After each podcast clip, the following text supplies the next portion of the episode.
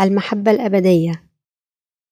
رمي الإصحاح الثامن الآية الواحدة والثلاثون إلى الرابعة والثلاثون. فبعد هذا ماذا نقول؟ ما دام الله معنا فمن يكون علينا؟ ذاك الذي لم يمسك عنا ابنه؟ بل بذله لأجلنا جميعا. كيف لا يجود علينا معه؟ بكل شيء أيضا. ومن سيتهم مختاري الله؟ إن الله هو الذي يبرر. فمن ذا يدين؟ إنه المسيح يسوع هو الذي مات بل بالأحرى قام وهو أيضا عن يمين الله وهو يشفع فينا أيضا. إذا كان الله قد قرر مسبقا أن يغطينا ببره في يسوع المسيح حتى قبل الخلق فلن يقدر أحد أن يعيق ذلك. بالإيمان ببر الله وليس خلال عقيدة التبرير أولئك الذين قد أصبحوا بصدق بلا خطية هم الأولاد الحقيقيون لله. وهكذا ليس كل الناس المتدينون على صواب. قلة من الناس فقط يضطهدون بسبب الإيمان بيسوع. لكن العديد من أولئك الذين يعرف بر الله الحقيقي يضطهدون. لكن من أصبحوا أولاد الله بالإيمان ببره لا يمكن أن يفصلهم شيء عن الله. إذا كان الله قد أعطانا إنجيل بره فمن يستطيع أن يكون ضدهم؟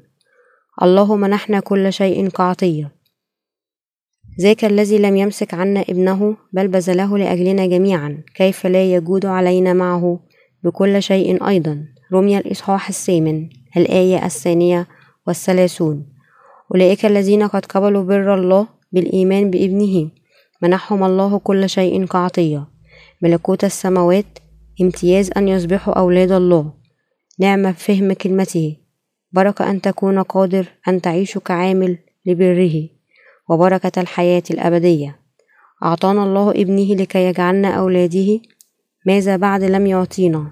الله قد أعطى كل بركات السماء والأرض لأولئك الذين قبلوا الإيمان ببره. لذا المؤمنون وخدام الله يسبحونه إلى الأبد بسبب بره. من سيشتكي على مختاري الله؟ ومن سيتهم مختاري الله؟ إن الله هو الذي يبرر. فمن ذا يدين إنه المسيح يسوع هو الذي مات بل بالأحرى قام وهو أيضا عن يمين الله وهو يشفع فينا أيضا. رمي الإصحاح الثامن الآية الثالثة والثلاثون إلى الرابعة والثلاثون. لا أحد يمكن أن يشتكي على الشعب الذي قد اختاره الله ببره بيسوع المسيح لأن يسوع ببر الله قد جعلهم أحرارا من الخطية. الناس الذين يؤمنون ببر الله خلال يسوع المسيح ليس عندهم خطية في قلوبهم. ذلك لأن الله وليس آخر. جعل أولئك الذين يؤمنون ببر الله بدون خطية. ابن الله يسوع المسيح جاء إلى الأرض في جسد إنسان وتعمد من قبل يوحنا المعمدان حاملا عليه عبء كل آثام العالم ومات على الصليب وقام من الموت في اليوم الثالث وأصبح ربنا لكل من يؤمنون. لهذا نحن لا يمكن أن نقول بأن من أصبحوا أبرارا بالإيمان ببر الله هم خطاة. وآثمين وإلى الآن ما زال الله يعترف بأولئك الذين يؤمنون ببره. وكدليل لهذا الروح القدس يسكن في قلوبهم. لهذا لا أحد يمكن أن يدعي على بر الله أو يشتكي على أولئك الذين قد غفرت أساميهم بالإيمان ببره. بر الله ظهر من خلال معمودية يسوع المسيح. وسفك دمه على الصليب وموته وقيامته.